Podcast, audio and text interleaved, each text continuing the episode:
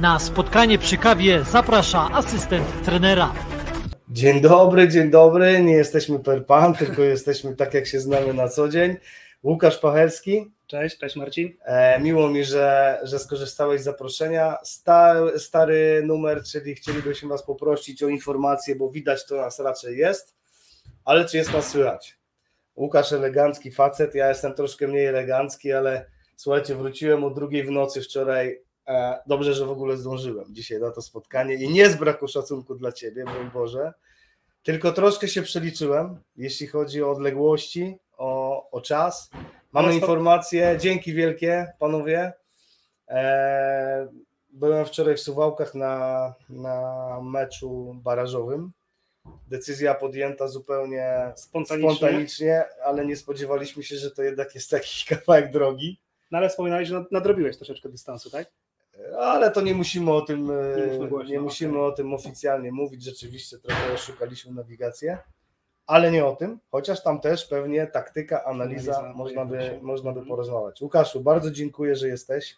Dziękuję również, E, bardzo mi miło. Pomimo tego, że zapowiadaliśmy Cię wielokrotnie, to chciałbym Cię prosić, żebyś swoimi słowami troszeczkę powiedział o sobie, e, bo te zapowiedzi były oficjalne, koordynator, trener analityk, Tak, tak. mniej oficjalne tata.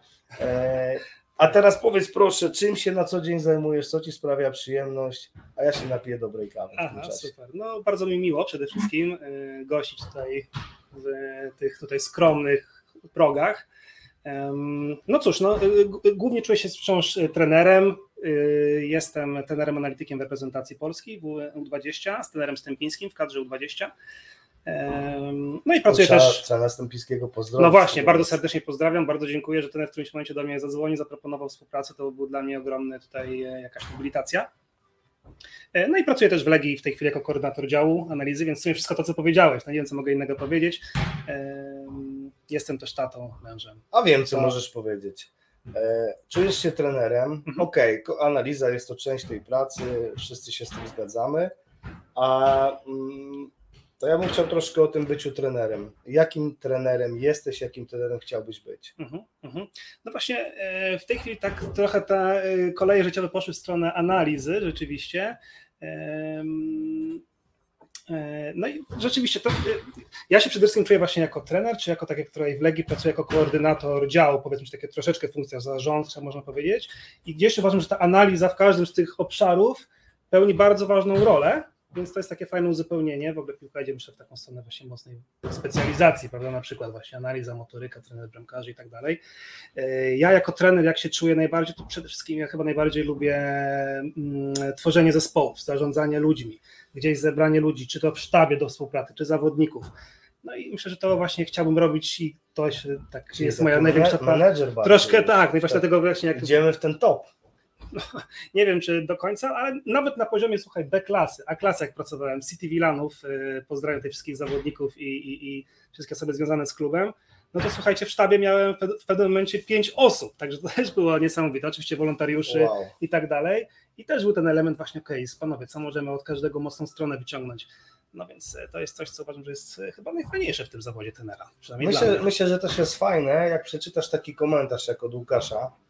E, Łukasz, Łukasz. Proszę bardzo, masz tutaj na głównym. Łukasz Kasprzak, pozdrawiam Przede Łukaszu. wszystkim gratulacje. Widzieliśmy się na Warszawie, gdy organizowałeś jedno ze swoich pierwszych Tak. szkoleń. Wtedy jako trener i organizator, dziś osoba, której ludzie słuchają. Wielki szacun za serce, jakie włożyłeś w pracę. Super, bardzo miło mi Łukaszu, Pozdrawiamy dziękuję cię, Łukaszu. słowo. Rzeczywiście też to, jest, się poznać. też to jest jeden z wątków, których można by poruszyć, bo my też się poznaliśmy dzięki Football Conference, to się nazywało, prawda? Tak, tak, tak. Był taki etap w moim życiu rzeczywiście, że organizowaliśmy konferencję dla trenerów. Zresztą na bardzo wysokim poziomie. Ja pamiętam, bo to było ładnych parę lat temu. Tak. My byliśmy partnerem tych konferencji, wielokrotnie mieliśmy stoisko, ale mieliśmy Tak. też rozeznanie, porównanie tak, organizacyjne różnych konferencji. No to ta Mhm. organizowana przez Was, przez Ciebie Mhm. była naprawdę na wysokim poziomie. A, no to bardzo miło słyszeć. Rzeczywiście zorganizowaliśmy chyba 10 edycji z tego co pamiętam. No i gdzieś w pewnym momencie te koleje się losu zmieniły. No gdzieś e, pamiętam, no łączyłem kilka, kilka funkcji naraz, właśnie tu konferencja, tutaj Legia, tutaj trener. Jak trener E, w Polsce, No troszeczkę tak, ale już z czegoś... tam może nie na tym top Tak. jeszcze poziomie, no to Tak. to tak wygląda. Tak to wygląda, tak to wygląda i tak było w moim przypadku. no i gdzieś w pewnym momencie trzeba było z czegoś rezygnować, gdzieś się ukierunkować, prawda? Więc te konferencje gdzieś poszły na dalszy, na dalszy plan, ale był to bardzo fajny okres w moim życiu, muszę powiedzieć, naprawdę, gdzie właśnie poznałem choćby ciebie. Pamiętam pierwszą konferencję, dzwoniłem, mówię, nie wiem, czy zadzwonić, mogę do takiej gazety, kurczę, to jest y, największe czasopismo, nie no, dzwoń, dobra, dzwonię zgodziłeś się, żeby do nas przyjechać, to było dla mnie też takie wow, super. My jesteśmy normalni. no, no są normalni ludzie tutaj, więc to było dla mnie taki wiesz, pierwszy szok w ogóle, tak? Ale mówię ci, parę to, lat temu. I to, to, naprawdę... to było na wysokim poziomie. Nie mówię dlatego, że tutaj siedzisz, bo tutaj na tej kanapie to jest szczerość, ale jednocześnie też y, dobra atmosfera i e, trzeba przyznać, że to było takie nawet czasem pozytywne zaskoczenie, bo ty tam się pytałeś, jakie miejsce, coś. Aha. No tak kurczę, okay. rzadko kiedy ktoś tak dokładnie wszystko planuje. No to bardzo miło. To był właśnie moment taki, że też mogłem wiele osób poznać, choćby Was, czy właśnie prelegentów. No i też powiem szczerze, że właśnie to, że organizowało się to samemu jako trener znowu, no to tak naprawdę można było dobrać gości, którzy najbardziej mnie interesują, tematy, które mnie najbardziej interesują, więc tak naprawdę dla mnie to było to, że no też mogłem okazało korzystać... się, że ludzi to interesowało, bo tak. raczej na brak chętnych wtedy nie narzekałeś. Tak, tak. tak Fakt jest taki, że powiem Ci z doświadczenia, Mhm. Teraz byłoby ci trudniej, bo ten rynek się bardzo rozwinął. E, Okej, okay, marki będą robić, bo robią dobrą pracę, mhm. ale, ale jednak jest teraz jest troszeczkę to inaczej wygląda. Wiesz. Wtedy to, to może trafiliśmy na dobry czas też, tak? Wtedy Na pewno, mhm. na pewno. Tak to, no było. Dobrze. Na pewno, mhm. Przepraszam. Nie, na pewno to był właśnie dla mnie fajny moment, gdzie można było czerpać od tych ludzi, od których się chciało w sumie i tematy, jakie mnie najbardziej interesowały.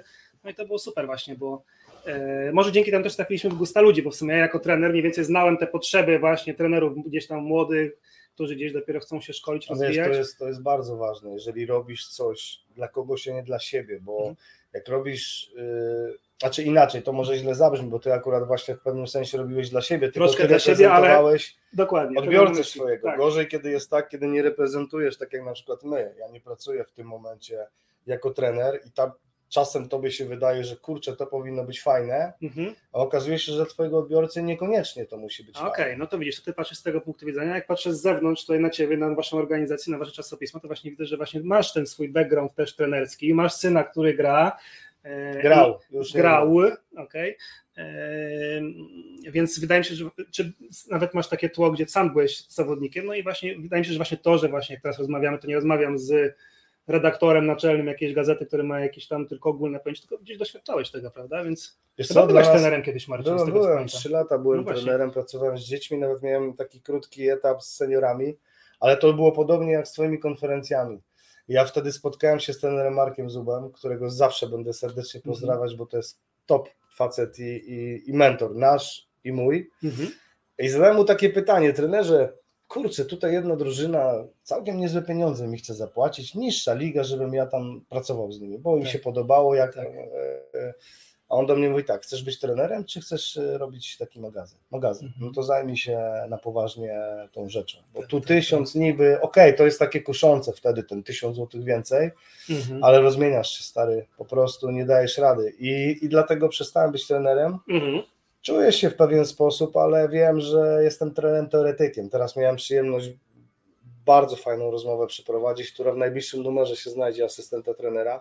Ci, którzy śledzą nasze media, to pewnie połączą kropki, bo wiedzą, gdzie byliśmy ostatnio. I nasz rozmówca zadał nam po, po pół godziny rozmowie, roz, po pół godziny, znaczy rozmowa trwała godzinę 40, ale po pół godzinie zadał mi Grzegorzowi pytanie, czy wy nie chcecie być trenerami, bo bardzo mu się podobało jaką my mamy wiedzę na ten tak. temat. Ja mówię, okej, okay, tylko my jesteśmy teoretykami. Mm -hmm, to jest co innego, Dokładnie. kiedy my sobie posłuchamy, naczytamy się, ale wyjść na boisko, popracuj, to jest zupełnie inna rzecz. No to jeśli dzisiaj mówimy o analizie, to właśnie to jest też jedno z większych wyzwań, czyli właśnie, ok, możesz mieć pewną wiedzę, na przykład o przeciwniku najbliższym, ale teraz klucz, wybierz tą jedną, dwie, trzy informacje, które przekażesz czy drużynie, czy, czy zawodnikowi, prawda? Więc my w teorii możemy być mocni, Możemy oczywiście przekazać wszystko, natomiast oczywiście to, to nie będzie miało zastosowania. Tak więc właśnie teraz ta umiejętność, jak teraz to, co już wiesz, przekazać, no i w praktyce, czy to się sprawdzi, nie? No i to, jest, i to jest fajny aspekt, bo wiadomo, że też y, zmieniają się pokolenia i kiedyś być może przez 40 minut mogłeś zawodnikowi coś przekazywać, teraz może przez 7 czy przez tak. ileś. Czy no powiedz teraz... mi tak ze swojego doświadczenia, czy tego da każdy się jest w stanie nauczyć, żeby wiedzieć, jakie rzeczy wybrać. Czy to jest do nauczenia? No. Mhm. Czy to jest, nie wiem, jak to się kiedyś mówiło i ciągle się mówi, ten słynny nos, albo to czujesz, albo tego nie Tak, czujesz. tak, tak.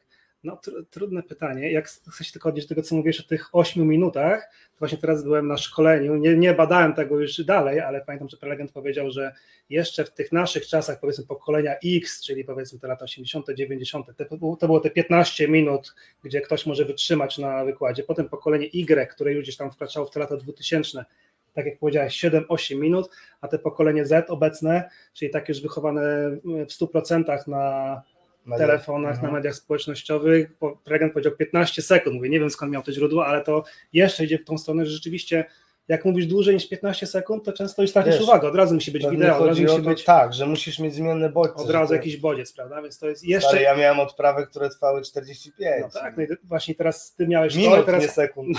ja domyślam się. No i teraz my to, co doświadczyliśmy, co nam pasowało, chcemy przerzucić na zawodników, a teraz to pokolenie jest zupełnie inne teraz do nich trafić.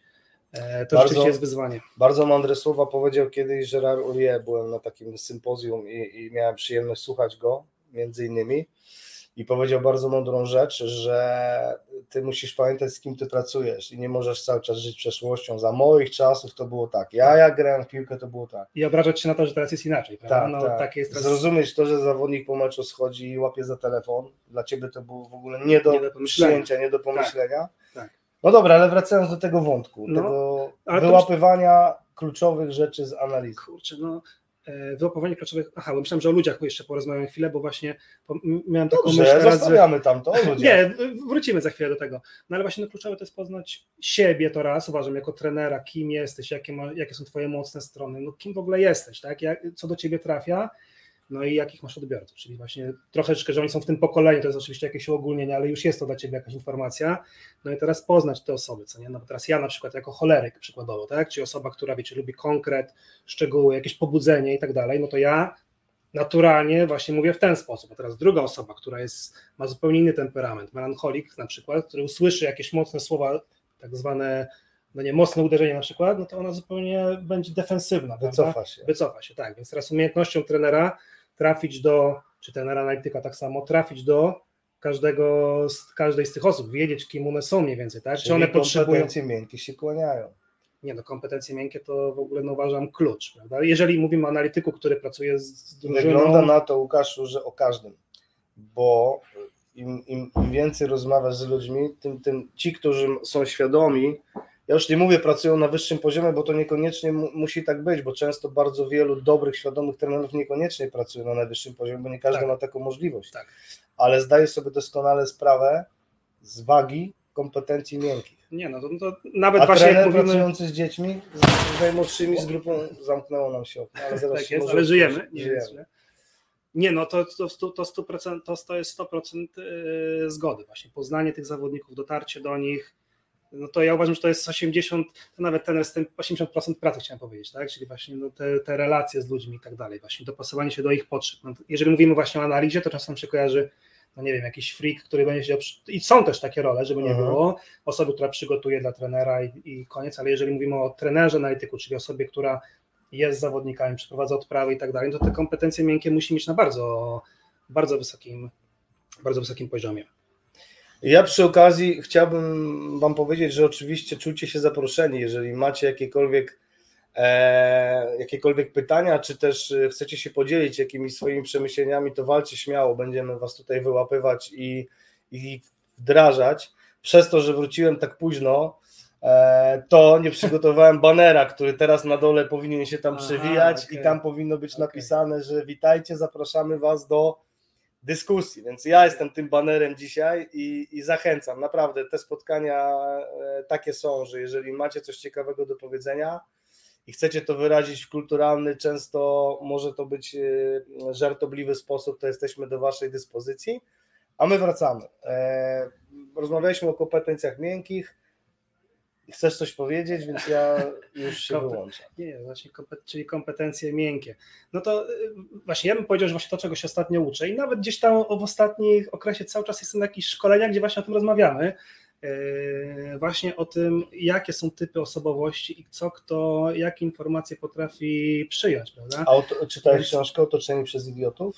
Yy, Nie, nie czytałem. No to polecam. Właśnie w tym temacie. Mi polecił tą książkę y, Dawid Kroczek, Mhm. y, trener Resowi, no już niedługo, bo, bo wiem, że nie będzie dalej tym trenerem.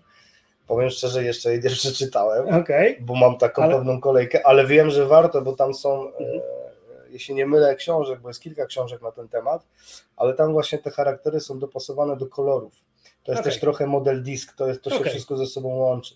Jeżeli wiesz, z jakim kolorem masz do czynienia, no to wiesz, jak z nim e, postępować. dokładnie. No Dla, I ogromnym wyzwaniem jest dla każdego z nas, myślę, praca z osobą, która jest zupełnie tym przeciwnym kolorem, prawda? Czy ja na przykład jako choleryk mi najtrudniej pracować z melancholikiem, z flegmatykiem, czy właśnie jako kolor czerwony mam problem z tymi innymi kolorami. E, No i właśnie no, dosłownie teraz, słuchaj, we wtorek e, mamy w Legii e, doktora Marcina Kochanowskiego, pewnie tutaj zna, był też chyba na Był na, spotkaniach. tak, tak, fantastyczny facet. Bardzo tak, i właśnie jest, pewnie teraz psychologa właśnie w Legii Mhm. i gdzieś rozmawiamy, takie spotkanie można powiedzieć troszeczkę mentorskie, gdzie możemy pogadać, okay, z czym się zmagamy, co, co u nas słychać, jeżeli chodzi o, o, o nasz dział. No i też rozmawialiśmy właśnie o tym, ok, jest przerwa meczu i teraz ja mam cztery typy tu osob, cztery typy, to i tak jest uproszczenie tylko dla nas, powiedzmy, trenerów, którzy nie jesteśmy psychologami, prawda, to mówimy tylko o jakimś uproszczonym wycinku tego, tak, a gdzieś tam uog- uogólniając mocno. Yy, No i teraz wiesz, wchodzisz do szatni, masz cztery typy osobowości, minimum, tak? Każdego musisz znać inaczej. Teraz weź, e, co możesz zrobić teraz, żeby zmotywować, prawda? Więc ja wchodzę i motywuję po swojemu, prawda? Tak jak ja to odbieram, prawda? Rzucasz krzesłami. Na przykład, no ja akurat jestem cholerykiem, który nie ma aż tylu emocji, jestem troszeczkę, mam też z innych temperamentów trochę inne, i- inne też cechy, no ale właśnie to samo chciałbym wiedzieć o moich zawodnikach, prawda? Więc to jest taka podstawa, poznać tych ludzi i umieć, dopas, y, umieć trafić w ich potrzeby. I teraz jeżeli mówimy o analizie, dla jednego to będzie krótki tylko bodziec, słuchaj, tutaj w tej piątej minucie świetne podanie, brawo. To jest to, o co nam chodzi i to jest koniec naszej analizy, tak, prawda? Drugi potrzebuje, przyjdzie po każdym meczu, mamy takich zawodników który po prostu po każdym meczu przychodzi i wszystkie akcje po prostu na czynniki pierwsze chce rozebrać. Takich Mhm. zawodników mamy. Eee, może ktoś potrzebuje teraz, żeby gdzieś tam mocniej mu, więc pokazać mu jakieś kilka fragmentów, e, które gdzieś tam mają go mocniej dotknąć, pobudzić do działania, prawda? Więc no to jest e, te kompetencje miękkie będą nam cały czas pewnie tutaj, e, tutaj wracać, ale kluczem dla mnie, powtórzę, to jest właśnie odkrycie, kim ta druga osoba jest i co, jakie są jego potrzeby, tak? No to jest esencja, myślę, pracy w ogóle, tak? A propos właśnie, a propos e, Marcina Kochanowskiego, to wyobraź sobie, że wczoraj podróżowałem ze Sławkiem Cisakowskim, którego dobrze znasz. Super, pozdrawiamy również, Pozdrawiamy może jest z nami. I też, I też poruszaliśmy ten temat, bo Sławek też właśnie e, spotyka się z, z Marcinem, wykorzystuje tą sytuację, Okej. że, że Marcin jest i Super. mówi, że naprawdę niesamowity rozwój. Mhm. Ale mhm, No bo dużo ostatnio też rozmawialiśmy właśnie, mieliśmy takie też warsztaty właśnie dla trenerów e, w Legii, gdzie rozmawialiśmy o tym, ok, to te- też pod kątem sztabu, tak, czyli właśnie Słowek jako drugi trener, ok, jak, kim on jest, tak, kim jest pierwszy trener, jak możemy wykorzystać mocne strony tej osoby, mocne strony tej osoby, a może mamy jeszcze analityka w sztabie, może mamy trener bramkarzy, może to on powinien przejąć jakieś funkcje, albo on powinien się komunikować właśnie z tym a zawodnikiem, zobacz, który... dotknąłeś kolejnej rzeczy. Zawodnicy są kolorami, ale i członkowie sztabu No, również. Dokładnie, I dokładnie. to jako ten trener zarządzający za, zarządzasz nie tylko z zawodnikami, ale zarządzasz Od tego sztabem. bym chyba zaczął właśnie, od od sztabu, kogo mam w tym zespole i jak mogę kogo tutaj wykorzystać, jak możemy wspólnie gdzieś, być może ja jestem, e, nie wiem, liderem, przywódcą ogólnie jako, nie wiem, w jakiejś tam dziedzinie, ale tak naprawdę przywództwo ma go oddać, nie wiem, w dziedzinie relacji tej osoby. Jemu będę bardziej ufał niż sobie, a może w dziedzinie jeszcze jakieś oddam temu, temu tej przywódczą rolę w naszym sztabie, prawda? Znów Więc płynnie jest- przeszedłeś do tego sympozjum, na którym wtedy miałem przyjemność być, bo oprócz Rada Lie był również Massimiliano Allegri. Aha. Wyszedł w nienagannie, ja to już mówiłem wielokrotnie, ci, którzy tutaj słuchają, to znają tą historię. Wyszedł w nienagannie skrojonym e, garniturze, uśmiechnięto od ucha do ucha i powiedział tak. Waszą rolą jest sprawić, żeby zawodnicy się dobrze czuli. Mhm, mhm. Ja mam w sztabie x osób, Tak. każdy jest mądrzejszy ode mnie. Mhm. Oczywiście w danej. Swojej. I Mhm. ty wtedy delegujesz, kontrolujesz. Na zasadzie mm, ta kontrola wiadomo, że no nie sprawdzasz, tylko zarządzasz. O, w ten Mhm, sposób. mhm. Ale jeszcze jedna rzecz, bo powiedziałeś fajnie o kompetencjach miękkich, powiedziałeś o, o poznaniu zawodników i, i tutaj w domyśle chodzi o, o sferę mentalną, o psychikę, ale u nas kiedyś prowadził szkolenie Darek Rolak, którego też pozdrawiamy. Pozdrawiam I niesamowite wrażenie na mnie zrobiło to, pomimo mojej jakiejś tam też wiedzy tej teoretycznej, o Tak, której tak. rozmawialiśmy, Mhm. że mm, pierwsza część szkolenia, mniej atrakcyjna dla trenerów, dla uczestników, była Darek wprowadził, no bo tam była rozmowa bodajże o grupie U15 albo U16 wtedy. U15. I Mhm, pierwszą okej. część przeznaczył na to, żeby przybliżyć kwestie związane z rozwojem, PHV i tak dalej, i tak dalej. Czym się charakteryzuje ten rocznik Tak. właśnie? I wiesz, tak, może się na pierwszy rzut oka wydawać nuda, czekamy aż będzie. Jakie to tak? jest istotne? Tak. Bo ty wiesz, że na przykład zawodnik przychodzi zmęczony, śpiący, bo to jest jego rozwój fizyczny i on nic z tym nie może zrobić. Po prostu teraz tak się czuje. I ty Tak. mając taką wiedzę jako trener, Tak. nie napadasz na niego, e, pewnie znowu nie spałeś, włóczyłeś się, a facet po prostu no, tak takim etapie. No i Darek właśnie specjalista właśnie już od wielu lat, 14-15. E, Miałem też przyjemność być e, asystentem Darka w pewnym, w pewnym momencie w Legii, także pozdrawiam go serdecznie. E, I właśnie przypominam się też, co a propos tych kompetencji miękkich znowu, co ten Stępiński mówi, czyli tener właśnie kadry U20. Tak rozmawialiśmy kiedyś i mówi, jak tener przyjeżdża na przykład na staż zobaczyć, to myśli, że te przygotowanie treningu, realizacja to jest jakaś najważniejsza rzecz w ogóle w pracy trenera, prawda? Ja przyjeżdżam to zgrupowanie, musi być zarąbisty trening i tak dalej, wszystko świetnie przygotowane. To jest oczywiście bardzo ważny obszar, ale trener tak patrzy, to jest 10%. Główne elementy, które się dzieją, to są poza, tak? Relacje z- właśnie z zawodnikami, dobór tych zawodników, e, właśnie zarządzanie sztabem. E, Więc szczególnie na poziomie reprezentacji to uważam, że jeszcze tym bardziej te kompetencje miękkie rosną w porównaniu do tego, jaki mamy trening, prawda? To, jest, to było też ciekawe. W międzyczasie troszeczkę się zadziało. Dobra. I teraz uważaj, brakuje bardzo tych konferencji. E, To jest od, y, od Takich Olafa. na stacjonarnych, na miejscu, tak? Tam, tam to chyba mamy na myśli. tak? Mamy na myśli twoje Aha, okej, bardzo Konkretnie, miło. to na pewno chodzi miło. o to, bo to jest odniesienie do naszej rozmowy. Okej, E, Bardzo miło. Kto kolejne-? Okej. Olaf Ćwierzyński. E, Bartosz Grzelak, Łukaszu, jaka formacja jest dla Ciebie najłatwiejsza? O, tu wchodzimy już mocno w merytorykę. Dobra, wchodźmy. Tak jest. E, Jaka jest dla Ciebie najłatwiejsza do przeciwdziałania nie i dlaczego? I od razu drugie pytanie, co sądzisz o systemie z trójką obrońców? Jesteś zwolennikiem zmiany systemu w trakcie gry, na przykład podczas bronienia, atakowania? Wow, Ja zostawię super. to pytanie, niech sobie tutaj na razie wisi, żeby było łatwiej się do niego Dobra, odnieść. super. Jeżeli masz coś do powiedzenia, mów. E, Mam, oczywiście. Twój, twój czas teraz, a tam jeszcze dalej się dzieje, to, to później do tego wrócimy. Okej, więc idąc po kolei, jaka formacja jest dla Ciebie najłatwiejsza do przeciwdziałania? Em, dobre bardzo pytanie. No, mi najłatwiej, szczerze mówiąc, gra się przeciwko 4-4-2 takim klasycznym, czyli jak mamy takie trzy linie 4-4-2, to wtedy mi jest, pamiętam taki mecz jeszcze jak prowadziłem e, MKS Piaseczna i pamiętam właśnie graliśmy a propos dalszej części pytania, graliśmy właśnie trójką, takim systemie 3, no 4-3 powiedzmy, czy nawet 3-1 i coś tam dalej, czyli 3-1 powiedzmy, 6 nawet można by to nazwać. I pamiętam, że jak ktoś grał właśnie 4-4-2 i właśnie trener tam krzyczał z boku, żeby trzymać te formacje, żeby nie zmieniać pozycji w bronieniu, Kompakt. to, to było dla mnie najprostsze, do, Tak. wtedy byliśmy tak, wtedy by, potrafiliśmy tam to bardzo mocno wykorzystać, szczególnie poprzez budowę właśnie w bocznych sektorach boiska z wykorzystania wahadłowego i zbiegnięcia tam w boczny sektor.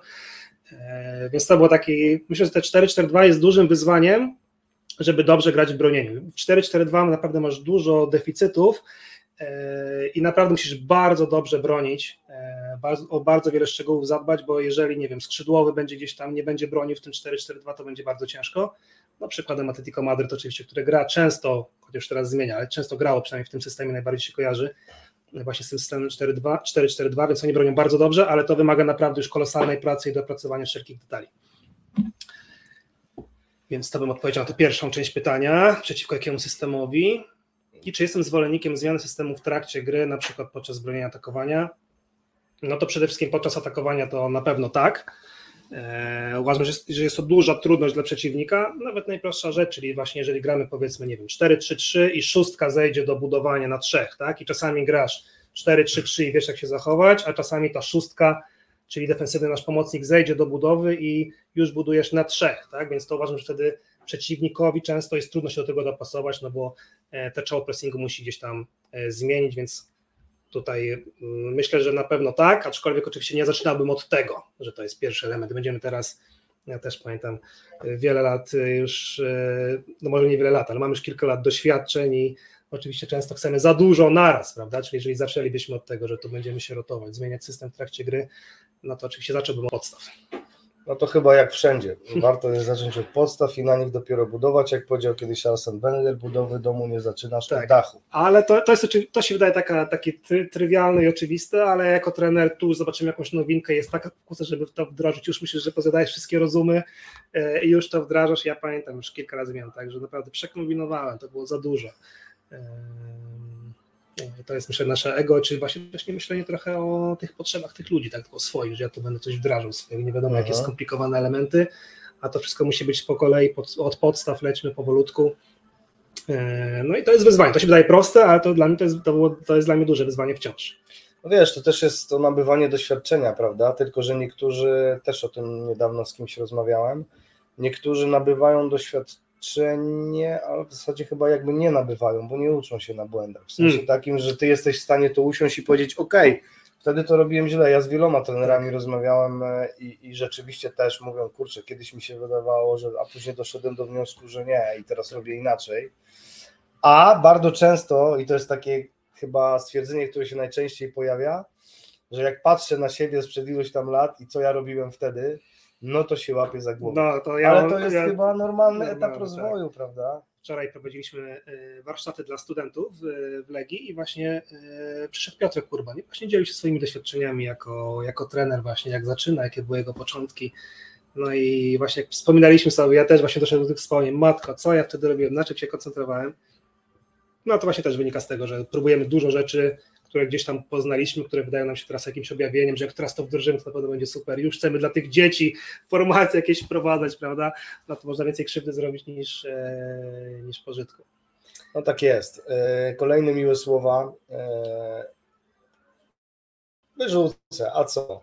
Łukasz jak zwykle to, wzór pracowitości, poświęcenia. Ostatnio wspominał nam o tobie dyrektor Śledź. Czekamy na powrót Football Conference. To już jest drugi sygnał. To już jest, jest, drugi jest, sygnał. jest zapotrzebowanie. Ja powiem, że asystent tenera chętnie zostanie partnerem. Po raz, po, ten, to, to będzie się nazywało e, ten powrót po latach. Czekaj, jak to się tak w filmach nazywa? Jak, jak wra- nie, No Top Gun teraz wraca, to Tak, może tak. warto, żeby wrócił Football Tak, Conference. tak, tak.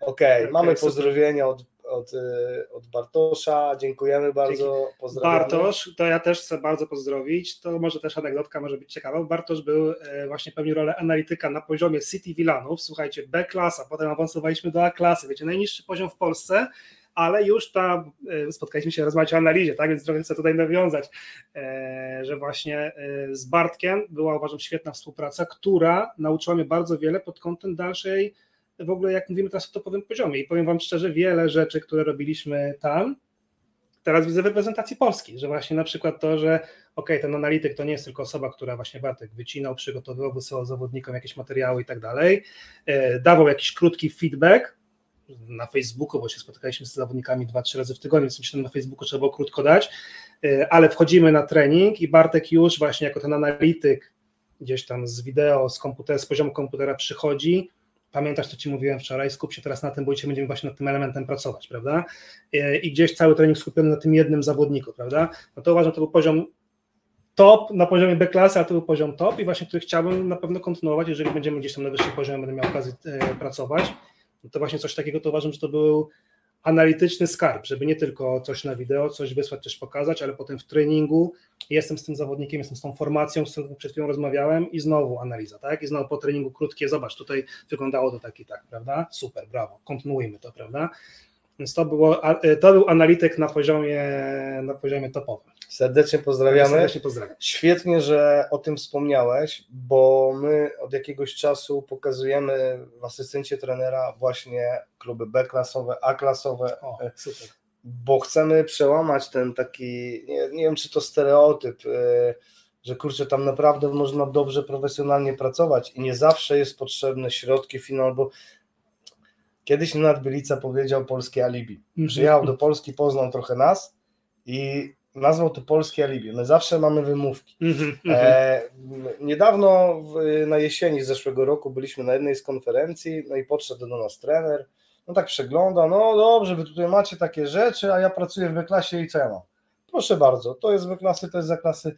Można pracować profesjonalnie Tak, w miarę danych możliwości. I ty teraz tutaj, wspominając pa, pana Bartka, Bartka. czy Bartka, Mhm. mm, potwierdzasz to. dokładnie. Ja powiem, znaczy, wiadomo, że pracujemy w bardzo ograniczonych gdzieś tam zasobach, tak? No, czyli właśnie Bartek jako analityk wiadomo, że gdzieś tam jest na wolontariacie, nie mogę od niego wymagać tego, co teraz bym wymagał od kogoś. Ale w tych artykułach również ten temat jest poruszony, mhm. że naprawdę można to bardzo fajnie zorganizować. Przykładem Wiktoria Częstochowa i mhm. wtedy teraz, teraz Tomek Sobczak, wcześniej Łukasz Tomczyk, e, naprawdę można. Pozdrawiam za... serdecznie chłopaków. E, właśnie, ja również. Można to zorganizować, możesz zaprosić studentów, czy kogoś, kto chce tak. dopiero być trenerem. Tak. On będzie zachwycony, że może tak. się rozwijać. I wiele różnych innych tak. rozwiązań. No to jak jesteśmy już na temacie e, właśnie tych niższych lig, no to właśnie ja sobie przypominam te czasy i pamiętam na przykład mieliśmy dwa razy była taka sytuacja, dwa, dwa mikrocykle mieliśmy takie, że nie mieliśmy gdzie trenować, no po prostu nie było boiska. Nie, e, tak to i tak trenowaliśmy. Orlik, 25, wyobraźcie sobie Orlik, 25 zawodników,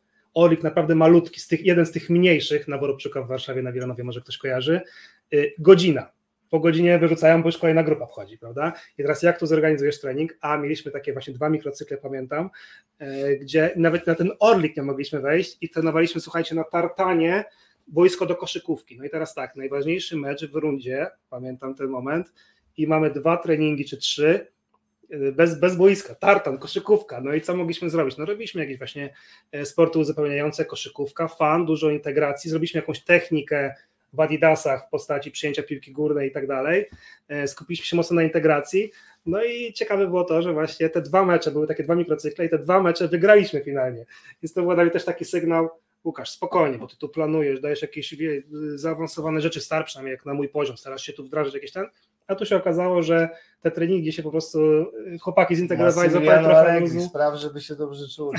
trochę tak. No Oczywiście to jest uproszczenie, bo dobrze wiemy, że nie możesz tylko na tym jechać, Oczywiście. bo daleko nie pojedziesz. Ale... Aczkolwiek rzeczywiście jest tak, że y, pamiętam y, Richard Goodshotten, czyli dyrektor Akademii właśnie w Legii często powtarza, że na poziomie seniorskim E, oddzielmy to oczywiście od akademii, jest tak, że po prostu ok, może pójdziesz z chłopakami na piwko, na kiełbaskę i po prostu jak wygracie mecz, to jesteś najlepszym trenerem, prawda? W akademii oczywiście to nie zadziała, ale to było bardzo ciekawe doświadczenie, że nawet w takich warunkach do tego dążyliśmy, do takich najcięższych nawet warunkach jesteś w stanie gdzieś tam coś wykombinować. Mogę jeszcze Marcin w tym temacie? Oczywiście, ale to przypomina mi się właśnie swobodnie. ten trening właśnie na Orliku, 20, 25 zawodników, yy, dorosłych, tak? Malutki, malutki ten, godzinka, i musisz coś wykombinować, prawda? Więc ta delegacja zadań, podział na właśnie, że mieliśmy kilku trenerów, którzy każdy gdzieś tam mógł swoją część e, ogarniać. No ale co? 15 minut przed treningiem spotykaliśmy się z zawodnikami na właśnie technikę gdzieś na boku, naprawdę na skrawku trawy wielkości tutaj, gdzie mogliśmy gdzieś w bliskiej odległości, to zdecydowaliśmy się w tych warunkach przez dwa miesiące będziemy trenować przyjęcie piłki górnej, prawda? Gdzieś to był element, który widzieliśmy w analizie, że był do poprawy, gdzie jak tylko przerzut szedł, nie potrafiliśmy tego, tej piłki przyjąć, skupiliśmy się na tym, 15 minut przed każdym treningiem przez dwa miesiące, już jakiś progres możesz coś złapać w tych ograniczonych bardzo warunkach. Godzinka treningu intensywne, małe gry, no bo tylko to mogłeś zrobić. I po treningu pół godzinki bieganko na parkingu, tak? Także każdy zawodnik y, Adidasy potem zmieniał, zmieniał obuwie, bo już nie było gdzie biegać, bo już nie było miejsca. I po parkingu biegi mas przygotowane 30 metrów, gdzieś tam potrafiliśmy znaleźć e, drogi między parkingiem, blokowaliśmy ruch, żeby nikt już nie, nie mógł przejeżdżać, bo tam niby jakoś e, coś się stało, tak? I przez 30 minut to zajmowało, ale łącznie było 15-20 minut biegania, biegi mas yy, i chłopaki zasuwali, tak? Więc trzeba też było dobrać, bo tam nie można było za dużo zmieniać kierunek, bo no nie było miejsca, więc trzeba było też troszeczkę to gdzieś tam znowu dostosować, ale słuchajcie, dało się pracować i koniec końców godzina 45 trening, yy, mocno intensywny na małym orliku. Także słuchajcie, naprawdę w każdych warunkach można, wydaje mi się, coś, coś tam jeszcze wykombinować. No tak, trzeba chcieć i mieć otwartą głowę i nie szukać tych wymówek, których e, powiedział wtedy Nenad. E, chciałbym tutaj wyłapać, e, o właśnie, idealnie wziąłeś kubeczek, który przeniesie nas do następnego pytania. Tak. Pozytywny coaching. Tomek Oleksy. Tomku, pozdrawiamy Cię bardzo serdecznie. Zobacz, Łukasz dzisiaj pije z, z takiego oto pięknego kubeczka. Pozdrawiam Tomku. Dziękujemy. Ja też a propos kubeczka muszę tutaj jedną rzecz wyjaśnić. E, zasadą jest, że nas, nasz gość otrzymuje kubeczek e, asystent trenera i ten mm -hmm. kubeczek oczywiście dla ciebie jest. Okay, nie wręczę ci go na wizji, bo Dobra. po raz kolejny tłumacząc mój późny powrót, został w samochodzie, okay. ale jest. Okay. Łukasz go dostanie, będzie mam nadzieję z niego korzystał. My wracamy do, do Tomka. Czy w kadrze U20 masz mhm. zadania analizy na żywo podczas meczów, to znaczy nagrywasz materiał i jeszcze w przerwie pokazujesz sztabie czy zawodnikom, czy tylko analiza przed i po. Jak ta praca w kadrze wygląda? Pozdrowienia dla obu panów, potwierdzam, Football Conference był top. To Kurczę, jest... słuchajcie, nie wiedziałem, że to aż taki miało impact, także fajnie, dziękuję. Pierwsze pytanie, czy nagrywasz materiał, czy jest analiza na żywo? Tak, więc e, analiza, analiza na żywo jak najbardziej, czyli właśnie jednym z moich zadań właśnie w kadrze U20 jest to, że nagrywam mecz, ale w trakcie y, jeszcze w konsultacji z trenerem y, Zygim, czyli którego tutaj serdecznie Zygmunt Biliński serdecznie pozdrawiam, drugi trener, jesteśmy w stałym kontakcie albo właśnie na górze, albo przez, y, na, na słuchawkach, wybieramy kilka fragmentów, konsultacja z trenerem jeszcze od razu po zejściu z boiska, no i tych kilka fragmentów, 3, 4, 5 fragmentów staram się zawodnikom w przerwie pokazać. Idea jest głównie taka, żeby to, co tener mówi, przekazuje. Z reguły tak to staram się, żeby nam wychodziło, czyli tener przekazuje kilka, dwie, trzy, cztery główne wskazówki, już mówimy o takich merytorycznych rzeczach, które chcemy poprawić, które chcemy zmienić i później jest to od razu, yy, panowie, chodźcie zobaczyć i pokazujemy na dużym ekranie właśnie te, do każdej rzeczy jeden klip żeby tylko zasygnalizować z góry. Też wynika to z tego, że często mamy zawodniku, y, mamy wiele zmian w przerwie. To też jest charakterystyka też kadru 20, gdzie staramy się dać wielu zawodnikom szansę zweryfikowania się na tym poziomie międzynarodowym. Wielu zawodników wchodzi y, dopiero w tej 46 minucie na boisko i też im pokazujemy te 3-4 informacje, o których trener mówi, też im dajemy, żeby zobaczyli rzut z góry mniej więcej jak to, e, jak to wygląda. Więc to uważam, że się bardzo dobrze sprawdza. Jest to ważny element dla niektórych zawodników, bo oczywiście część zawodników jest taka, że po prostu jest w emocjach, yy, nie za dużo tych informacji przyjmie, ale część zawodników właśnie jak zobaczy jeszcze ten rzut, na pewno będzie, będzie, to, dla nich, yy, będzie to dla nich pomocne. I chyba odpowiedzieliśmy na to pytanie. Czy tak. jeszcze tu jest Marcin? Znaczy ogólnie jak praca w kadrze wygląda? Czy, czy w tej okay. sytuacji może ja pociągnę dalej ten mhm. wątek, czy również te analizy przed, po i tak dalej, i tak dalej? Tak, no to w tym obszarze takiej analizy, ja bym to nazwał e, analizy takiej bieżącej, tak? Czyli wszystko, co nam się tutaj kojarzy z, analiz, z pracą analityka w kadrze, to oczywiście występuje, czyli począwszy od analizy przeciwnika, analizy zawodników, analiza treningu, analiza przed, znaczy przed meczem to po prostu plan na mecz, e, spotkania formacyjne z zawodnikami, to też myślę, że jest fajnie rozwiązane w kadrze, że e, każdy tener jest powiedzmy liderem. Formacji, a na przykład tak to tener nazywa, tener Stępiński lider formacji, ja akurat jestem liderem formacji obrony, więc spotykam się z obrońcami na odprawie właśnie, ok, co na początku, czego wymagamy od Was na tym zgrupowaniu, co jest dla nas ważne. Druga rzecz, na, po treningach, znowu odprawa z zawodnikami, po meczu, no i przygotowanie znowu ten, ewaluacja i znowu yy, koło dalej będzie się toczyć, prawda, od początku.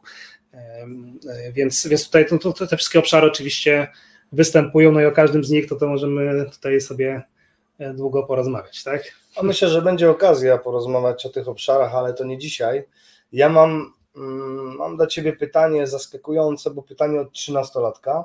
Wow. E, pytanie od trzynastolatka, czyli od mojego syna. Dobra. Który dzisiaj, e, jak dopytywał mnie, jakie mam plany, mhm. był bardzo szczęśliwy, że wychodzę, bo on jest na takim etapie, że tatuś, a dzisiaj jesteś w domu, czy wychodzisz? Wow, czekam na ten moment. Ja jeszcze mam takie małe dzieci, właśnie max 5 lat mają teraz, I... są te egzaminy ósmoklasistów, on jest w siódmej, więc on ma wolne. Siedzi w domu i jest mu bardzo na rękę, jak ja wychodzę. No i mówię, Słuchajcie. że mam spotkanie, poczekaj, bo chcę, no, bo umknie mi to, tak, przepraszam. Tak, nie szkodzi. A zapisz sobie może gdzieś coś, coś powiedzieć. Anegdotka, dobra. Mhm. A to jak anegdota, to ja będę pamiętał. Jedziesz z anegdotą. Okay. Nie, Dawaj. będziesz na pewno? Nie, no może 100%. anegdota to duże słowo, ale po prostu ostatnio też właśnie myślałem, kurczę, patrzę, no właśnie coraz więcej mam takich znajomych, tak jak ty Marcin, właśnie, że już mają dzieci w nastoletnim wieku no i nie wiem, czy nasi tutaj oglądający mają dzieci, czy nie, ale po prostu jak sobie myślę o tym. Teraz jesteśmy na Tomek takim... na pewno ma, dwie prześliczne córeczki, tak. pozdrawiamy. Kiedyś zresztą wzięły udział w spotkaniu przy kawie świątecznym. Ale jeszcze one są na etapie, myślę, takim e, właśnie kilkuletnim, prawda? Czyli to jest, tak, e, więc tak. to jest mój etap,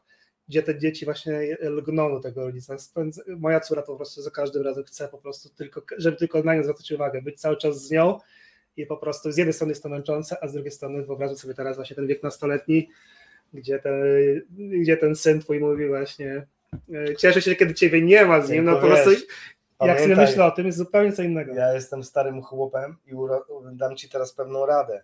Będziesz tęsknił mm. za tym wiekiem, który masz teraz. Dokładnie, dokładnie. No ja właśnie, tak widzę, coraz więcej osób właśnie mi Ja mam jeszcze właśnie. to szczęście, że Marcel, okej, okay, cieszy się, jak mnie nie ma, ale jednocześnie też ciągle lgnie. To nie jest tak, że tak. tata B. Ale mhm. wracam do pytania. Przepraszam, okej. Okay. Zaczę, zaczęliśmy rozmawiać i powiedziałem, że mam spotkanie przy kawie. Marcel się dopytuje z kim, powiedziałem z kim, powiedziałem czym się zajmujesz. No i wdrożył się w temat analizy Wow. I chciał się dowiedzieć właśnie, jak Dawaj. ty pracujesz, to czy ty Mhm. analizujesz mecze e, przeciwników, Mhm. czy raczej swoją drużynę? Ja Mhm. k- myślę sobie, kurczę, fajne pytanie, bo jeżeli my mówimy Świetne o pytanie. akademii na przykład, Tak. chciałbym to porównać. Jak Tak. to wygląda w akademii, a w reprezentacji Polski U20? W domyśle, gdzie skupiamy się bardziej, na którym etapie ważniejsza jest, no i dalej już. Okej. No to Marcel, otworzyłeś nam dwugodzinne teraz spotkanie, tak? Które możemy Pozdrawiamy cię, synek. Być Tak może jest. tam gdzieś tam e, zerka, więc pozdrawiamy. Okej. Okej, więc bym powiedział tak, w ogóle mm, analizę to bym podzielił na takie dwa główne obszary. Pierwszy obszar, taka analiza bieżąca, o której przed chwilą rozmawialiśmy tutaj z chłopakami pod kątem kadry U20, czyli w niedzielę teraz dosłownie za kilka dni wyjeżdżamy na mecz e, z Włochami, tak? Więc co jest moim celem, co jest naszym celem?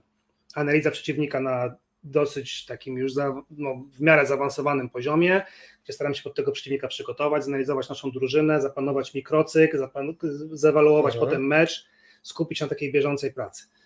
Analiza w akademii zupełnie przeciwieństwo, tak? gdzie myślimy o długofalowym procesie, gdzie wspieramy te zarządcze elementy, tak? czyli właśnie ok, co mo- czy nasza akademia idzie w dobrą stronę, który trener powinien zostać z nami, który nie, czy te drużyny się rozwijają, czy ci zawodnicy się rozwijają, prawda? Więc zupełnie inny obszar, gdzie ta analiza przeciwnika jest na dużo mniej, nie dużo mniejszy wpływ bo głównie skupiamy się oczywiście na, na sobie, szczególnie gdzie jak, jako Legia taki mamy powiedzmy styl czy, czy, czy wizję, gdzie chcemy dominować i skupiać się przede wszystkim na sobie, prawda? E, Ale odpowiadając tak już konkretnie, no to w tych najstarszych grupach ten analiza przeciwnika występuje, na przykład też pełnię rolę gdzieś tam delikatnie analityka w Legii 2, czyli w drugim zespole, więc przygotowujemy z kilku ostatnich meczów jakieś główne wycinki, główne informacje, tak żeby nie, wiem- zaskoczyć nie, się Nie wiem, czymś. czy Sławek nie czeka na, od ciebie na jakąś analizę. Nie, no wysłałem mu wczoraj, wysłałem mu wczoraj, także Okej, bo... podziękował, dostał, także dobrze. E, Więc główne informacje, najważniejsze, mniej więcej jaki jest system gry, tak żeby mniej więcej móc się przygotować, natomiast nikt to nie znając jakaś podstawowa, podstawowa informacja. No w tych najstarszych grupach ta analiza przeciwnika się, się pojawia. Nie dałem plamy, bo z grubsza powiedziałem to samo Marcelowi, że na, że na mój, jakby moje myślenie, tak właśnie to Tak. wygląda. Tak. E, W oczekiwaniu na, na jakieś informacje od Was, czas na, czas na reklamę. E, Słuchajcie, jeżeli, e, no bo pewnie część z Was wie, to było też w zapowiedzi, organizujemy szkolenie 13 czerwca, to jest poniedziałek. To jest poniedziałek. Poniedziałek, Mhm. właśnie Łukasz będzie prowadzącym to szkolenie, to też jest ciekawostka, bo pewnie wiesz i pamiętasz, spinasz troszeczkę klamrą te szkolenia, bo jako pierwszy poprowadziłeś u nas szkolenie online. Tak jest, to już było kiedy to było? Z Dwa lata temu? No, jak się zaczynała ta nieszczęsna pandemia. Ja Ale ostatnio... pam- nie, to pamiętam, to było tak, że planowaliśmy normalnie, że to będzie szkolenie online, nie było żadnej pandemii, wydaje mi się wtedy. Aha, czyli jeszcze Planowaliśmy wcześniej. normalnie online, już były zapisy, Ja nie już pamiętam pamiętam, pamiętam uruchomiliśmy drugie, bo już były, było za dużo osób, były już Mhm. dwa terminy, pamiętam to i nagle przyszła pandemia i Okej. mówimy, kurczę, nie wiadomo jak, tak mi się wydaje, że tak to było. Bardzo czy coś- możliwe. Nie, I bardzo na- to możliwe. był właśnie idealnie moment początku właśnie pandemii, gdzieś zastanawialiśmy się, czy, czy... poczekaj, Bardzo możliwe. robiliśmy, chyba chcieliśmy początkowo właśnie stacjonarne zrobić te warsztaty. Teraz I właśnie w związku z tym, że ja pandemia. Tak, tak, tak, pamiętam. Czyli to ja były dotarłem- terminy warsztat, to były stacjonarne zapisy. I w Aha. pewnym momencie stwierdzi, ok, jest, pandemia, nie ma jak się spotkać, dobra, to zróbmy online i to był wtedy Ja ten dotarłem moment, jaka teraz- platforma w ogóle, gdzie to zrobić i tak dalej. Tak, dotarłem No. teraz do tych zdjęć, no bo chciałem, tak jak Ci pisałem, chciałem wykorzystać je do promocji obecnego szkolenia i tak patrzę, ty laptop poustawiony na jakichś pudełkach, książkach, ale to też No pokazuje, okej, zobacz, no że się wszyscy rozwijamy, tak. bo teraz to wygląda, wyglądało, bo powoli wracamy do tej formuły, chociaż nie zrezygnujemy z online, bo ludziom się to podoba, jest wygodne, przyzwyczaili się, natomiast najbliższe szkolenie będzie tylko stacjonarne, Okej. Dlaczego? Mhm. Yy, No rozmawialiśmy o tym gdzieś. Ale ja chcę usłyszeć od Tak, tak. Ja, no ja też teraz staram się to, to Nie, wiesz, dla, wiesz, znowu. wiesz dlaczego pytam? No, no. Bo wiele osób jest bardzo zainteresowanych, ale przyzwyczajonych do form online i Tak. dopytuje, czy będzie można wziąć online. Tak. A my jednak doszliśmy do wniosku, Tak. Że lepszą formułą w tym przypadku Tak. będzie stacjonarna. Znaczy, słuchajcie, stacjonarna jest zawsze lepszą formułą i dla prowadzącego, Tak. i dla, ucze- no, dla uczestników różnie, bo jeżeli ktoś niekoniecznie musi być aktywny, no to on sobie woli w domu odpalić i oglądać, ale uwierzcie, że dla prowadzącego zdecydowanie, Tak. kiedy ma ten I teraz pamiętam naszą rozmowę, przypominam sobie, że właśnie to chyba też z mojej inicjatywy było. Słuchajcie, ja się dużo lepiej czuję w tej praktycznej formie. Jak mam siedzieć przed tym ekranem, ciężko mi to. jasne. E, ja jestem przede wszystkim, muszę powiedzieć, praktykiem. To chyba tak, gdzieś lubię takie zasady, sobie Mhm. usystematyzować pewne rzeczy, ale głównie jestem praktykiem, więc ja najlepiej się czuję, kiedy możemy właśnie pogadać, gdzieś wymienić się doświadczeniami, gdzieś mogę Was zapytać najpierw, pokażcie, jak Wy się rozrobili i potem gdzieś dać swoje gdzieś tam spostrzeżenia.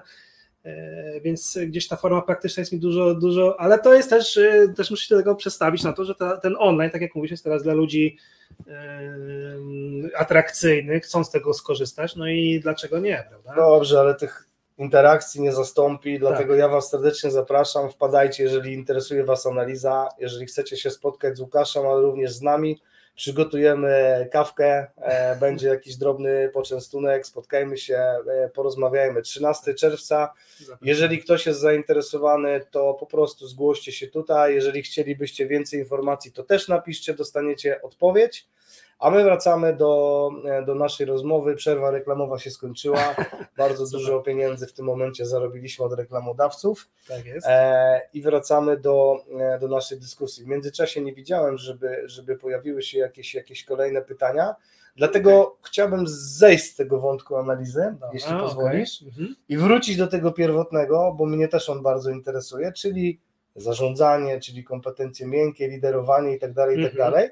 W międzyczasie dotknąłeś takiej fajnej rzeczy, ja ogólnie umykają mi takie sprawy, zawsze staram się zapisywać, tutaj nie mam jak, ale tym razem zapamiętałem, Dobrze. bo powiedziałeś, że właśnie bierzesz udział w szkoleniach i tak dalej, i tak dalej. Chciałbym porozmawiać o rozwoju osobistym, bo to jest też mój konik, e, nawet z racji tego, co my robimy, tak, no staramy się dostarczać trenerom wiedzę, z korzystaniem z tego jest różnie, nie, a często mm, jest coś takiego, że trenerzy podchodzą na konferencji i mówią, że właśnie mało zarabiają i tak dalej, i tak dalej. Ja się pytam, co w ostatnim roku zrobili, żeby zarabiać więcej i wtedy milkną. Mhm. Więc pytanie, jak ty dbasz o swój rozwój osobisty? Mhm. Jak to wygląda? Tak. E, No to powiem tak, jest dużo obszarów tutaj znowu, możemy wyciągnąć kilka z nich. No, dla mnie też ważny jest rozwój taki, wiecie, e, życiowy. Nawet z relacjach z żoną na przykład, prawda? To, to uważam też jest To jest chyba największy rozwój osobisty w relacjach z żoną. Tak jest. To, to kiedyś e, robili badania, właśnie okazuje się, że żonaci więcej zarabiają, e, mają e, dłużej żyją, także słuchajcie, to są Serio? wszystko- tak jest, dłużej żyją, więcej zarabiają. Także to jest dlaczego? No bo żona dla na przykład takiego chłopaka jak ja, który wiesz, no nie zna się na relacjach, nie zna się, nie jest empatyczny, zero, tak? Żona to jest po prostu podręcznik dla ciebie, wiesz, empatii, relacji. E, I po prostu, no wiesz, kompensuje gdzieś Twoje braki, pokazuje Ci pewne rzeczy, no to jest Twój największy nauczyciel często, prawda? E, Więc bym powiedział, że o tym też obszarze bym nie zapominał.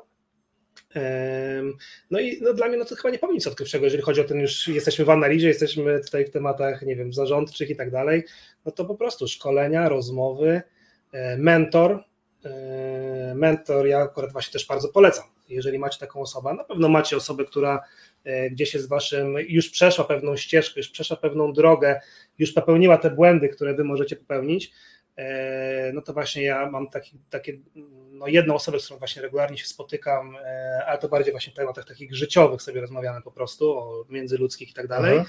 E, No i na przykład właśnie teraz e, wspomniałem Marcina Kochanowskiego. Nie wiem, czy mogę chyba nie wiem, czy mentor to jeszcze jest za duże słowo, ale może w przyszłości tak. Czyli właśnie spotykamy się raz na dwa tygodnie, ewaluujemy sobie pracę, co możemy zrobić lepiej. To na przykład takie spotkanie z Marcinem, którego tu serdecznie pozdrawiam, dla mnie są ogromną wartością, gdzie zwraca Ci uwagę nagle ta osoba, słuchaj, może mógłbyś to zrobić inaczej. No nie ma nic lepszego. No ale oprócz tego co? No szkolenia, książki, asystent trenera. No ja też jestem teraz na przykład na szkoleniu online, rzeczywiście spotykam się z Alanem, spotykam się z Alanem Nixonem, trenerem UEFA Pro, e, który też kiedyś był na Football Conference e, i organi- zorganizowaliśmy teraz taki, czy jest zorganizowany taki cykl sześciu spotkań właśnie z trenerem. E, Jest bardzo mała grupa osób, więc tak naprawdę jest bardzo dużo takiej interakcji, takich życiowych też rzeczy. Więc z tego online'u też, też czerpię. Więc Rzeczywiście No, to, jest tak, dobrodziejstwo, że- wiesz, to jest dobrodziejstwo i jeżeli w złych sytuacjach typu pandemia zawsze może znaleźć coś pozytywnego, to właśnie jednym z tych elementów na pewno jest to, bo my nie do końca byliśmy na to gotowi, nie myśleliśmy o tym. Tak.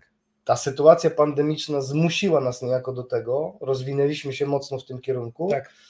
I rzeczywiście będziemy tak działać. Staramy Mhm. się najczęściej przyjmować tą formę e, hybrydową. Mhm, mhm. E, ona jest dosyć trudna, bo część osób masz na sali, część online. Mhm. To jest dosyć trudne Tak. dla prowadzącego, Tak. również dla nas, ale jest to możliwe. Mhm. E, w międzyczasie A mamy... ja może jeszcze dokończę, jak Okej. zanim, bo przyszła mi do głowy rzecz Mhm. najważniejsza, którą bym powiedział, pierwsza do rozwoju, no to przede wszystkim środowisko, w którym się obracamy. To Okej. jest po prostu, e, rozmawialiśmy trochę przed tutaj, Tak, e, tak, przed wejściem, Mhm. E, że czasami jest, jak przyjeżdżam nagle w jakieś inne miejsce, to a propos rozmawialiśmy o moim synu, którego wysłałem na, na, na treningi w jednym, w jednym z klubów lokalnych i po prostu no, byłem w szoku, jak, te, jak jest negatywne środowisko często, prawda? Znaczy nie, nie wchodźmy w negatywne rzeczy, ale yy, uważam, że środowisko, w którym się obracamy, czyli właśnie, że wokół nas są ludzie, którzy chcą się rozwijać, którzy mają pewne wartości zbliżone do nas, prawda? No to to jest uważam po prostu no, klucz, który cię napędza, tak? Właśnie, że możemy teraz pogadać, zainspirować się, no to nie wiem, czy jest lepszy sposób do tego, żeby właśnie gdzieś yy, mieć tą chęć dalej rozwijania się. Zdecydowanie potwierdzam i też przecież rozmawialiśmy o tych naszych wyjazdach. Taka ciekawostka, pewnie, pewnie tego nie wiecie, ja powiedziałem to Łukaszowi dzisiaj. Mhm. E, no sporo podróżujemy i, i teraz wróciliśmy z, niedawno z jednego miejsca, dosyć drogiego miejsca do przebywania, do życia to już w ogóle. Tak, tak. I po powrocie jeden z zaprzyjaźnionych dziennikarzy zadał mi takie pytanie, czy nam te wyjazdy się opłacają? W sensie, czy jadąc tam, inwestując, później asystent trenera lepiej się sprzeda? Tak. No to stwierdzam zdecydowanie nie. To się Mhm. nie opłaca i można by te, tam nie jechać, zrobić to online i tak dalej, ale słuchajcie, to nie chodzi o to, czy on się. Jest to bardzo ważne, czy on się sprzeda, czy nie, bo jeżeli się sprzeda, to my mamy środki, żeby robić kolejne. Bo Mhm.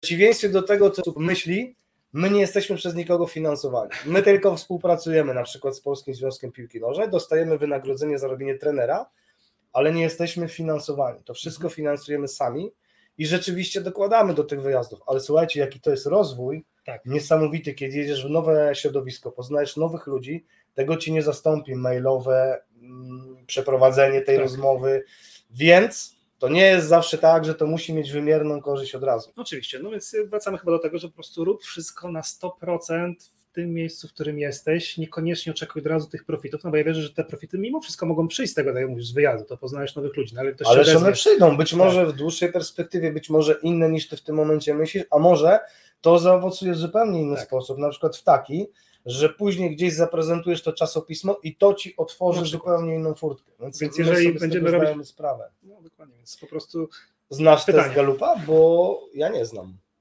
W temacie typów osobowości i poznania siebie oraz innych ludzi bardzo polecam test Galupa, ja od razu się tym rozwiń, rozwiń Bartosz, jakbyś mógł. Bardzo poprosimy o więcej podpowiedzi. Tak. Ja na pewno się tym tematem zainteresuję, bo, bo to jest ta, ta nauka, którą czerpiemy. Super.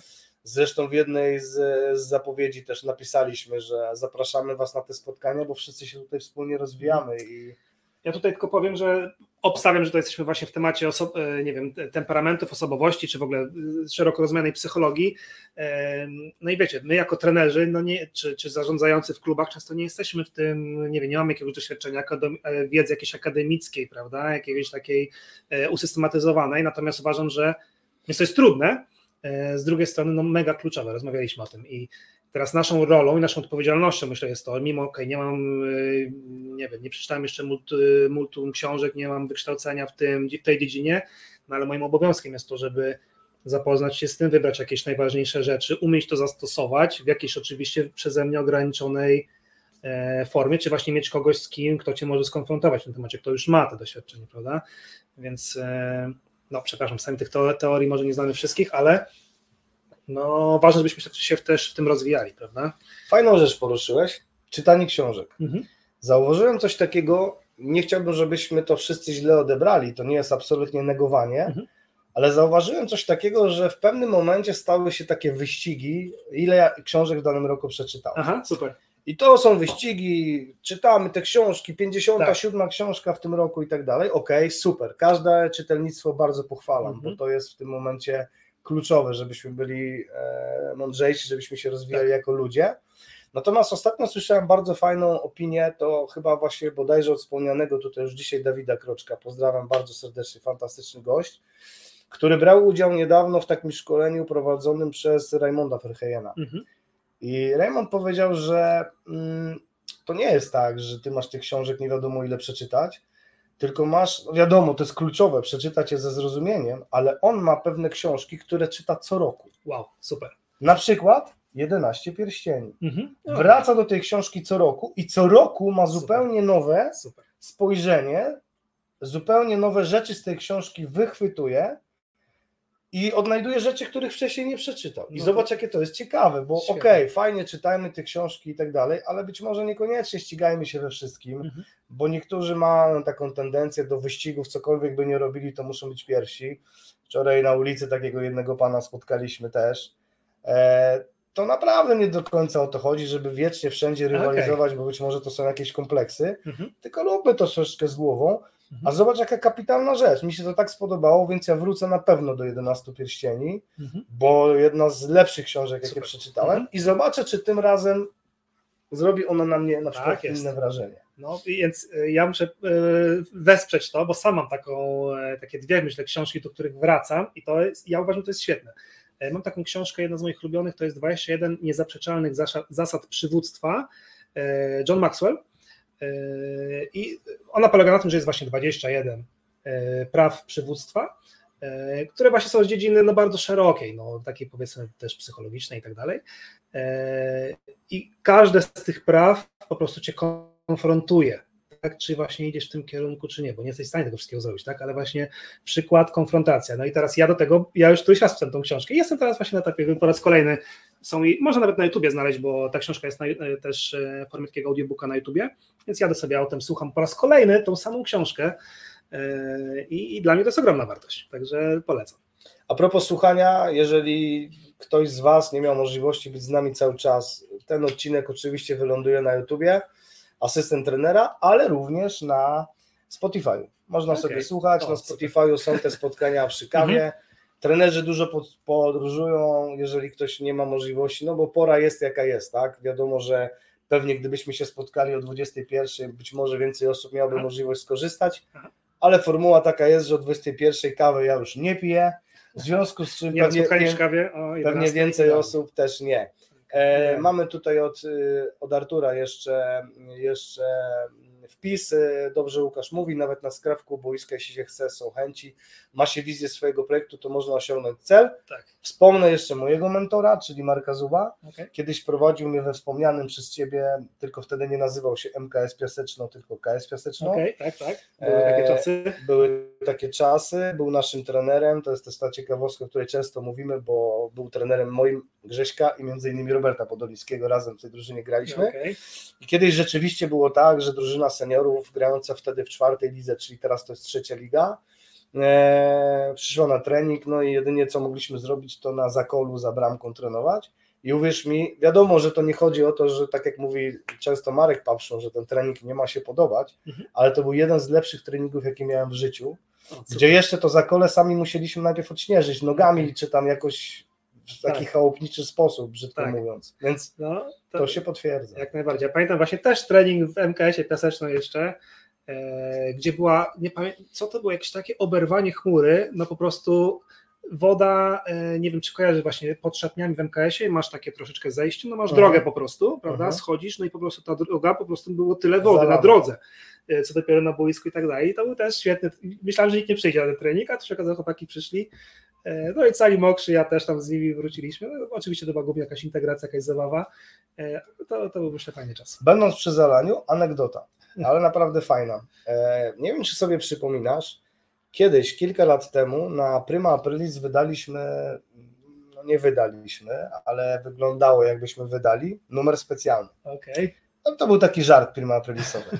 Na okładce tego numeru specjalnego było zalane boisko właśnie piasecznie, bo był taki moment, kiedy tam wylała ta jeziorka, było zalane bramki do, Mhm. wiesz, pół metra były w wodzie i to było na okładce. No i wrzuciliśmy tam najbardziej absurdalne zajawki, jakie, mo, jakie mogliśmy w danym momencie wymyślić, czyli na przykład doskonalenie, doskonalenie uderzenia piętą, e, nie wiem, e, nowy system 1, 2, 8, 1, 1, 8 Okej. i tak dalej, i tak dalej. I dostaliśmy sporo zapytań, gdzie można kupić to wydanie specjalne. Więc Ludzie byli zainteresowani. No Tak. i okej, Się, super. żart się chyba. Fajnie. Kochani, wybiła godzinka. czyli zbliżamy się do końca. To jest czas na, na jakieś ostatnie, jeżeli macie pytanie, jeżeli chcielibyście się coś dowiedzieć, to jest właśnie ten moment.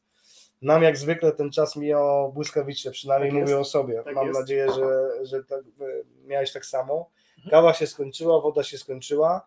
E, Kubeczek będzie poza anteną, więc reklamy Super. kubeczka niestety nie zrobię, ale jeżeli ktoś chciałby te kubeczki, to jeszcze tą ostatnią partię mamy. Zastanawiamy się, czy zrobić następne, ewentualnie jakie. Słuchajcie, z tych kubeczków naprawdę kawa świetnie smakuje, a analizy wychodzą Potwierdzam, najlepsze. potwierdzam. No i jeżeli chodzi właśnie o analizę, o, o czym nie rozmawialiśmy dzisiaj, ale chciałem też wspomnieć o tym, bo myślę, że jest to coś nowego w ogóle w Polsce i mało kto z tego korzysta, a staram się dużo tutaj e, jako dział analizy w Legii wdrażać to, no to jest analiza statystyczna i analiza pod kątem e, też takim zarządczym, bo tu dużo mówiliśmy o takiej analizie, właśnie bieżącej, czyli właśnie okay, jaki system, e, analiza przeciwnika i tak dalej, to są takie rzeczy, powiedzmy, ten obszar analizy bieżącej, natomiast analiza długookresowa, to uważam, że jest taki obszar mocno nie, jeszcze nieodkryty, w którym my mocno działamy i też odkrywam bardzo dużą rolę tego, tak? Czyli właśnie, ok, na przykład ja jako trener, jak mogę sobie odpowiedzieć na pytanie, czy mój zespół w ostatnim półroczu zrobił progres? Czy rozwinęliśmy się? Czy na przykład w tym obszarze, który jest ważny dla naszej akademii, na przykład, czy robimy progres? Czy nasi zawodnicy e, rozwinęli się? No i teraz e, czy na przykład, nie wiem, czy tego trenera zatrudnić, czy zwolnić, czy zostać jeszcze z nim na, i tak dalej, i tak dalej, prawda? Więc gro tych decyzji, chciałem tylko jeszcze właśnie do analizy nawiązać pod tym kątem, takim zarządczym troszeczkę, e, gro decyzji my jako trenerzy, czy gdzieś właśnie kluby, no na jakiej podstawie podejmujemy? Na podstawie naszych emocji, naszego doś, doświadczenia, oka i tak dalej, co jest oczywiście kluczowe, jakby, nie wiem, jak w Legii mamy e, topowych, uważam, specjalistów w dzie- dziedzinach e, poszczególnych, no to oczywiście jest to najważniejszy obszar, czyli ta wiedza, doświadczenie, e, obserwacja, rozmowa, ale czy jesteśmy w stanie podeprzeć się jakimiś też twardymi informacjami, prawda? Czy jesteśmy w stanie e, przeanalizować to też pod kątem e, właśnie chociażby suchych liczb, prawda? Czy one gdzieś tam, oczywiście to nie, będą, nie będzie to nigdy główny obszar nasz, do podejmowania decyzji, ale uważam bardzo istotny, czyli czy, jest, czy to na przykład w liczbach się potwierdza, co ja myślę, tak? A może gdzieś jest to jakiś moment, gdzie musimy się zatrzymać i e, o czymś Masz na porozmawiać, myśli więc- coś takiego, że ty możesz mieć pewne odczucie, a nagle się okazuje, że liczby tego zupełnie nie potwierdzają. Na przykład, na przykład, Mhm. tak. No i pod kątem właśnie, ok, czy mamy zatrudnić tego trenera, czy zrobiliśmy progres, czy nasza akademia idzie w dobrą stronę, prawda? Więc jak możemy wykorzystać twarde dane, twarde informacje w, taki, w, w tym obszarze. Więc e, my gdzieś tam się uczymy tego już od e, no, blisko dwóch lat w Legii i uważam, że to idzie coraz, coraz, coraz, e, coraz mocniej w tym kierunku. No i też myślę, że tutaj e, może na szkoleniu będziemy mieli też okazję dużo o tym jeszcze e, A to jest bardzo ciekawy aspekt i szczerze mówiąc cieszę się, że o tym wspomniałeś, bo spotkanie nam tutaj by uciekło, a to Tak. się okazuje szalenie, szalenie istotna rzecz. zupełnie inny obszar niż ta analiza taka powiedzmy bieżąca, prawda? Więc y, em, Taka analiza w życiu też się bardzo dobrze przyda, bo możesz sobie w liczbach sprawdzić, czy się rozwinąłeś, tak, czy się nie rozwinąłeś. tak jest, tak jest. No, w życiu może też, rzeczywiście. E, słuchaj, takie troszeczkę odejście od Mhm. tematu, ale nie do końca, Mhm. bo prosił o trzy Mhm, mhm.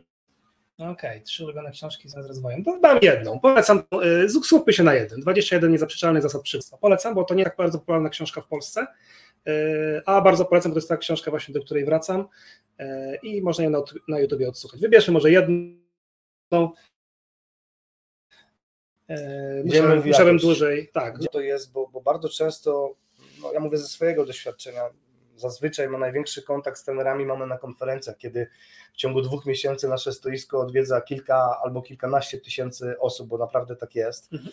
E, I wiele rozmawiamy z trenerami i to jest to, o czym ty też mówiłeś na samym początku, że my staramy się e, słuchać e, naszych odbiorców i, i, i, i dopasowywać treści do tego, co potrzebują, więc my często rozmawiamy i często trenerzy właśnie troszkę się niepotrzebnie moim zdaniem zamykają na biografię trenerów i tak dalej, i tak Mhm, dalej, mhm.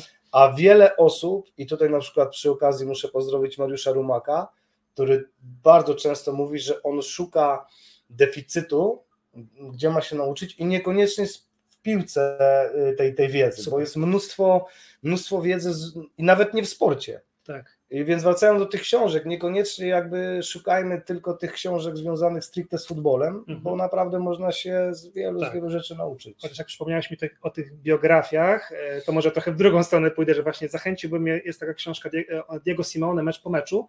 To też jest książka, którą już czytałem chyba, nie wiem czy całą przeczytałem jakby tak od dechy do dechy Mhm. któryś raz, ale wracam do niej.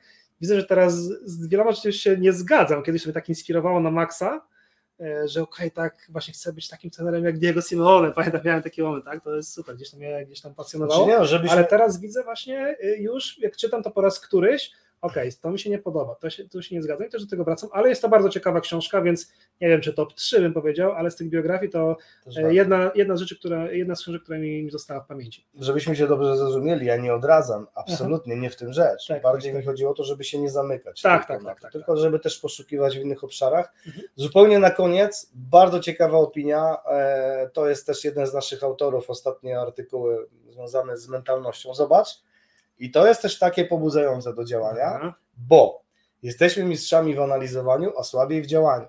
Mhm. W pewnym sensie ja się z tym zgodzę, bo my ogólnie jako naród, ja uważam osobiście, mamy pewien problem z taką pracą e, konsekwentną. Czyli my, my często lubimy zrywy w danym momencie, coś się wydarzyło. Mhm. Naj, naj, najprostszy przykład, najbliższy, no to jest niestety obecna sytuacja, tak? czyli pomoc, pomoc naszym e, sąsiadom, Ukraińcom, gdzie my ruszamy do działania, tylko u nas często później ta iskra tak błyśnie i, i, i, i gaśnie, a kiedy trzeba by już prowadzić takie działania długofalowe, konsekwentne, to już mamy z tym problem. Jak byś się odniósł do tego, co tutaj Maciek e, Mhm. napisał? Ja akurat jestem typem działacza, więc akurat nie mam, myślę, problemu, żeby szybko zadziałać, wdrożyć. Bardziej bym miał problem z tym, co powiedziałeś, czyli właśnie z taką konsekwencją i spokojnie cały czas, ok, idziemy w pewnym kierunku, na przykład, nie wiem, w akademii, Legia, tak? To co mają Niemcy na przykład, moim Tak, zdaniem. i popracuj tak przez kilka lat i to jest właśnie z dosłownie wczoraj a propos spotkań mento, mentorskich z Richardem rozmawialiśmy wczoraj, Grutscholtenem, czyli dyrektorem Akademii i właśnie py- zapytałem go też, Richard, gdzie, gdzie uważasz, że ja mam pole do poprawy, co mogę, co, gdzie, gdzie tutaj, co mogę zmienić i właśnie Richard zwrócił mi na, na, na dobrą rzecz uwagę, że ja jestem bardzo dobry w tym, żeby nowe rzeczy wymyślać, e, thinking out of the box, troszeczkę pomyśleć Aha. jakby z nowej perspektywy i tak dalej, wdrożyć coś, zadziałać, E, ale jest któreś spotkanie, że znowu jakaś nowa rzecz, znowu jakaś teraz aplikację będziemy wdrażać w Legii, Aha. tak? Znowu coś nowego przygotujemy, prawda?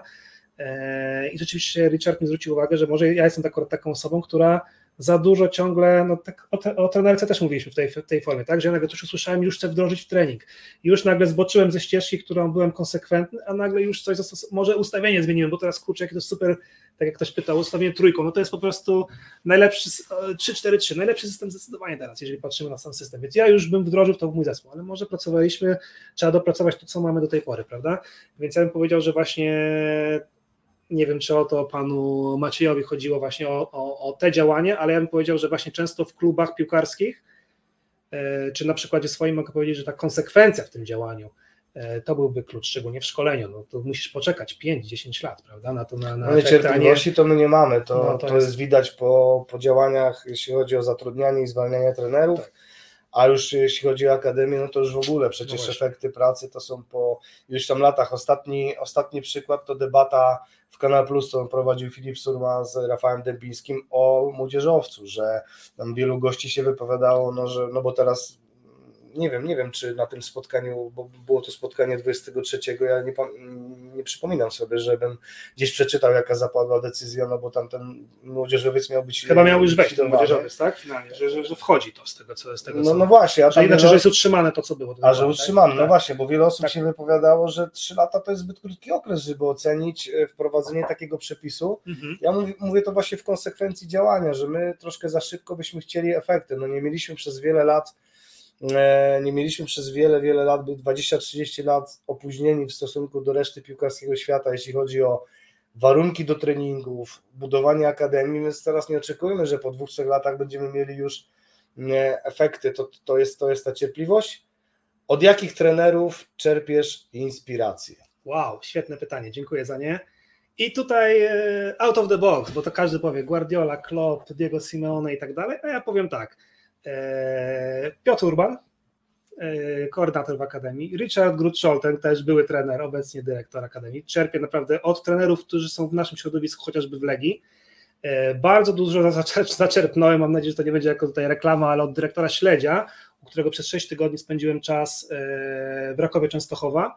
Świetny czas, zupełnie inne podejście niż na przykład inni trenerzy, od których czerpałem. Łukasz Tomczyk, tutaj wspomniany, dla mnie to była świetna osoba. Dawid Szwarga, który też obecnie jest w Akademii Rakowa. Mhm. To są osoby, których naprawdę ja bardzo dużo czerpałem. Gdzieś zupełnie inne podejście od, jakbym powiedział, z każda z tych osób, naprawdę inne podejście do piłki, ale od tych osób e, czerpałem bardzo dużo, więc zachęcałbym też do właśnie szukania tutaj na naszym poletku, e, bo tutaj naprawdę jest wiele osób, które na przykład mnie, te osoby, które wspomniałem, kurczę, na pewno kogoś pominę teraz, to jest najgorsze, e, bo jak powiem Diego no, Simone i Pep, to się nikt nie czuje po, pominięta, jak tu powiem o kimś, kto tutaj z naszego podwórka, to no wiesz, to na, pewno, na tak, pewno pominąłem kogoś, także już z góry to przepraszam. To jest też tak trudno, bo nie, nie, przygotowujesz się do tego, byś sobie usiadł, pewnie byś sobie wynotował, więc myślę, że nikt się nie obrazi. No, czasem no tak. jest tak, że wyjdziesz stąd, drzwi się zamkną, kurczę, przecież powinienem powiedzieć i to w mhm. ogóle zacząć od jakiejś tam osoby, tak, więc tak, myślę, że tak, nikt tak. się nie obrazi. Słuchajcie, zbliżamy się do końca spotkania. E, uważam, że mm, no, jestem nieobiektywny.